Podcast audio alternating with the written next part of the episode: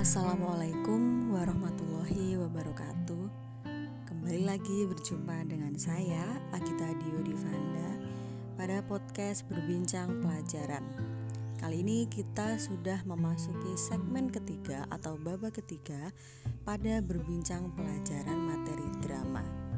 Kemarin kita sudah membahas tentang kebahasaan drama analisis tokoh dalam drama, dan unsur pembangun drama. Nah, kali ini kita akan membahas tentang analisis isi drama dan apa saja properti atau pendukung-pendukung yang digunakan untuk mementaskan drama. Seperti yang telah kita ketahui bersama, drama bercerita mengenai berbagai macam masalah kehidupan Isi dalam drama dapat diambil dari kejadian nyata, tetapi tidak jarang ada yang bersifat imajiner. Kalian tahu imajiner? Imajiner artinya cerita tersebut merupakan imajinasi pembuat dari naskah drama tersebut. Isi dalam drama dapat dipahami dengan mengamati jalan ceritanya. Isi berisi kejadian-kejadian yang dialami oleh tokoh. Isi suatu drama juga dapat menyangkut tema, perjalanan tokoh, latar, dan amanat dalam drama. Berikut ini akan saya jelaskan sedikit mengenai langkah-langkah untuk menentukan isi drama. Yang pertama, kalian harus mengamati, membaca, dan mendengarkan lakoh drama dengan seksama.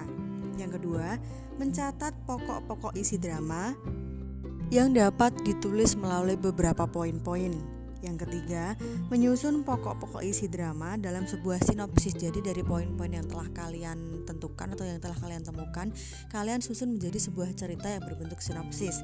Yang keempat atau yang terakhir, memeriksa kembali kesesuaian isi drama dengan drama yang dianalisis. Jadi, setelah kalian menyusun sinopsis, kalian harus memeriksa apakah tulisan yang kalian tulis itu sesuai dengan drama yang telah kalian tonton.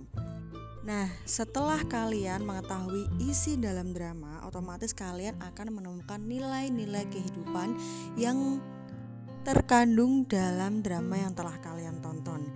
Nilai-nilai kehidupan diwujudkan secara implisit. Implisit berarti secara tersirat, alias kalian harus mencari tahu sendiri secara tersirat beberapa jenis nilai yang biasa terkandung dalam drama, antara lain yang pertama yaitu nilai religius, yang kedua nilai moral, yang ketiga nilai sosial, yang keempat nilai budaya, dan yang kelima adalah nilai kepahlawanan. Kelima nilai ini biasanya sering dicantumkan dalam drama meskipun secara implisit gitu. Yang pertama, kita masuk ke dalam nilai religius. Namanya saja religius berarti berhubungan dengan religi atau agama. Nilai religius menyangkut hubungan manusia dengan Tuhan Yang Maha Esa. Nilai religius dalam lakon drama dapat diketahui dengan cara menganalisis dialog dan tindakan tokoh. Yang kedua ada nilai moral. Nilai moral berkaitan dengan kebaikan, sifat baik. Nilai moral dapat dilihat pada tindakan terpuji yang dilakukan oleh tokoh. Nilai moral juga dapat diambil dari dialog tokoh yang memuat perkataan-perkataan yang baik atau perkataan-perkataan yang terpuji. Yang ketiga ada nilai sosial. Nilai sosial merupakan nilai yang berkembang dalam masyarakat. Ada kata sosial di sini, jadi nilai sosial selalu berhubungan dengan masyarakat.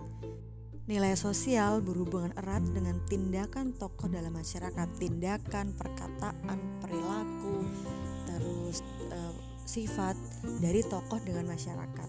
Yang keempat ada nilai budaya. Nilai budaya berkaitan dengan adat istiadat. Jadi semua yang berkaitan dengan adat dan istiadat masuk ke dalam nilai budaya. Budaya di setiap daerah pasti berbeda-beda. Oleh karena itu, nilai budaya dalam setiap lakon drama berhubungan dengan latar yang ditampilkan. Misalnya, ketika latar drama berada di Jawa Tengah, otomatis nilai budaya adalah adat istiadat yang berada di Jawa Tengah. Nanti akan berbeda ketika drama tersebut berada di Papua otomatis adat istiadat yang ditampilkan pasti berhubungan dengan adat istiadat Papua. Dengan demikian, nilai budaya yang tertera atau nilai budaya yang ditampilkan berhubungan dengan adat istiadat Papua. Yang kelima atau yang terakhir adalah nilai kepahlawanan. Nilai kepahlawanan berkaitan dengan perjuangan pahlawan. Pasti, nilai kepahlawanan dapat ditemukan pada lakon drama yang bertema sejarah atau perjuangan nilai kepahlawanan menampilkan tindakan tokoh yang heroik. Heroik di sini adalah kepahlawanan. Setelah kalian mengetahui cara menganalisis drama, kemudian kalian juga sudah mengetahui nilai-nilai apa saja yang terkandung dalam drama, kita akan mencoba untuk bermain drama. Nah, drama dimainkan berdasarkan naskah atau skenario, naskah drama atau skenario. Naskah drama menjadi pegangan aktor atau tokoh untuk berakting di atas pentas. Untuk mendapatkan penampilan yang baik saat pentas, perlu adanya suatu latihan rutin. Latihan ini harus dilakukan secara kontinu atau terus-menerus. Pemahaman tentang peran, naskah drama, dan suasana panggung perlu dipelajari untuk mendapatkan pentas yang bagus dan pentas yang maksimal. Nah, untuk mementaskan drama, terdapat unsur-unsur penting atau unsur-unsur penunjang agar drama dapat dimainkan dengan baik. Apa saja? Yang pertama ada naskah, yang kedua ada sutradara, yang ketiga ada pemain, yang keempat ada tata panggung, yang kelima ada lampu sorot, yang keenam ada tata rias, yang ketujuh ada tata busana atau kostum, delapan ada tata suara, dan yang terakhir adalah penonton. Kita bahas satu persatu ya. Mulai dari yang pertama yaitu naskah. Seperti yang sudah pernah saya utarakan di podcast yang pertama, Naskah merupakan landasan dasar dalam pementasan drama, jelas. Naskah drama berisi dialog-dialog antar tokoh. Selain itu, naskah drama merupakan gambaran pementasan lakon seperti karakter tokoh, setting panggung, jalanan cerita, dan juga suasana yang akan dimainkan di atas pentas. Naskah drama ini selalu bersifat tertulis, namanya saja naskah berarti dia disajikan secara tertulis. Yang kedua ada sutradara. Sutradara adalah orang yang memberi pengarahan dan bertanggung jawab atas masalah artistik dan teknis dalam pementasan drama. Sutradara bertanggung jawab memilih peran sesuai dengan karakter tokoh, menentukan tata panggung, dan juga tata rias yang digunakan dalam pementasan. Sutradara juga harus dapat memaksimalkan pemain agar dapat menyampaikan cerita yang dipentaskan kepada penonton. Sama seperti sutradara dalam film ataupun sutradara dalam sinetron, sutradara dalam drama juga memiliki peran yang sama untuk mengatur, bertanggung jawab, dan berkewajiban terhadap semua penampilan yang akan ditampilkan dalam cerita drama. Masuk ke yang ketiga yaitu pemain. Pemain merupakan peraga dari tokoh dalam sebuah drama. Pemain juga sering disebut sebagai aktor dan aktris. Aktor berarti perempuan, aktris berarti laki-laki. Pemain harus memahami karakter tokoh dan jalan cerita dengan membaca skenario yang ada. Gerak, mimik, dan suasana menjadi modal pokok pemain drama yang andal.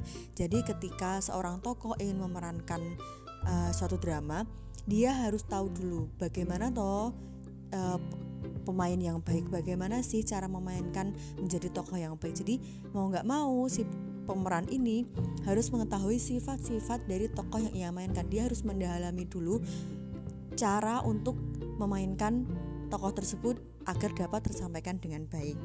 Yang keempat masuk ke tata panggung. Tata panggung berkaitan dengan penataan panggung saat sebuah lakon dipentaskan. Tata panggung didesain sesuai dengan latar dan suasana yang diinginkan dalam cerita. Dalam membuat setting panggung, biasanya digunakan properti. Properti dapat berupa benda tiruan, dapat pula berupa benda asli. Penataan panggung yang baik akan dapat menghidupkan cerita dalam sebuah lakon drama. Yang kelima yaitu lampu. Lampu yang digunakan dalam pementasan drama biasanya lampu sorot. Penggunaan lampu sorot yang tepat akan menciptakan suasana yang diinginkan. Selain untuk menciptakan suasana, lampu sorot dapat digunakan untuk memfokuskan perhatian penonton kepada pemain yang berada di atas pentas. Yang keenam yaitu tata rias atau make up. Tata rias adalah penataan riasan para pemain. Orang yang bertanggung jawab terhadap tata rias adalah penata rias. Tata rias mencakup riasan wajah para pemain agar sesuai dengan jalan cerita. Tata rias dalam pementasan drama dapat dibedakan menjadi dua yaitu rias wajah dan rias karakter. Rias karakter ini berguna atau bertujuan untuk menonjolkan karakter si pemain.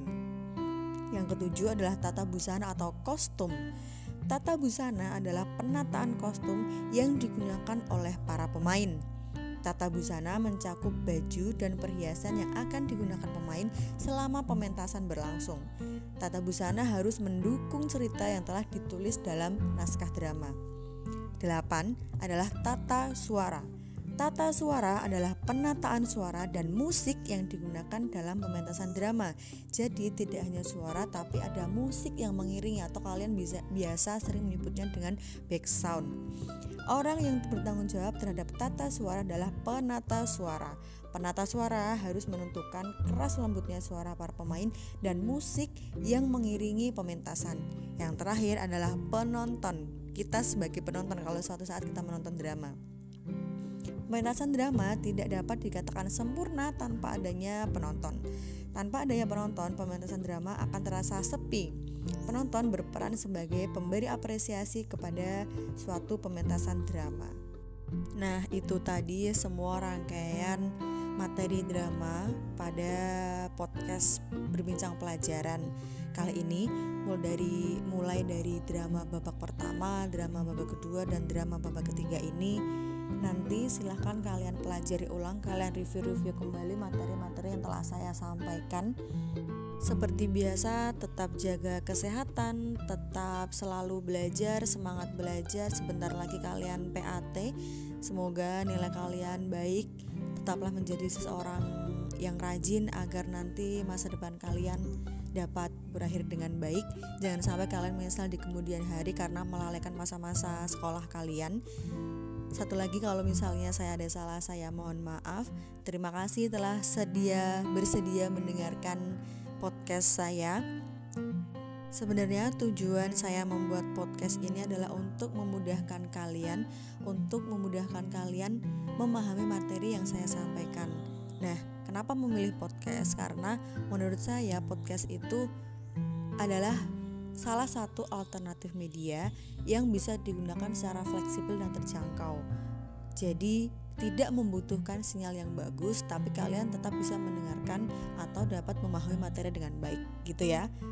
Sampai jumpa di podcast berbincang pelajaran pada segmen berikutnya. Terima kasih. Wassalamualaikum warahmatullahi wabarakatuh.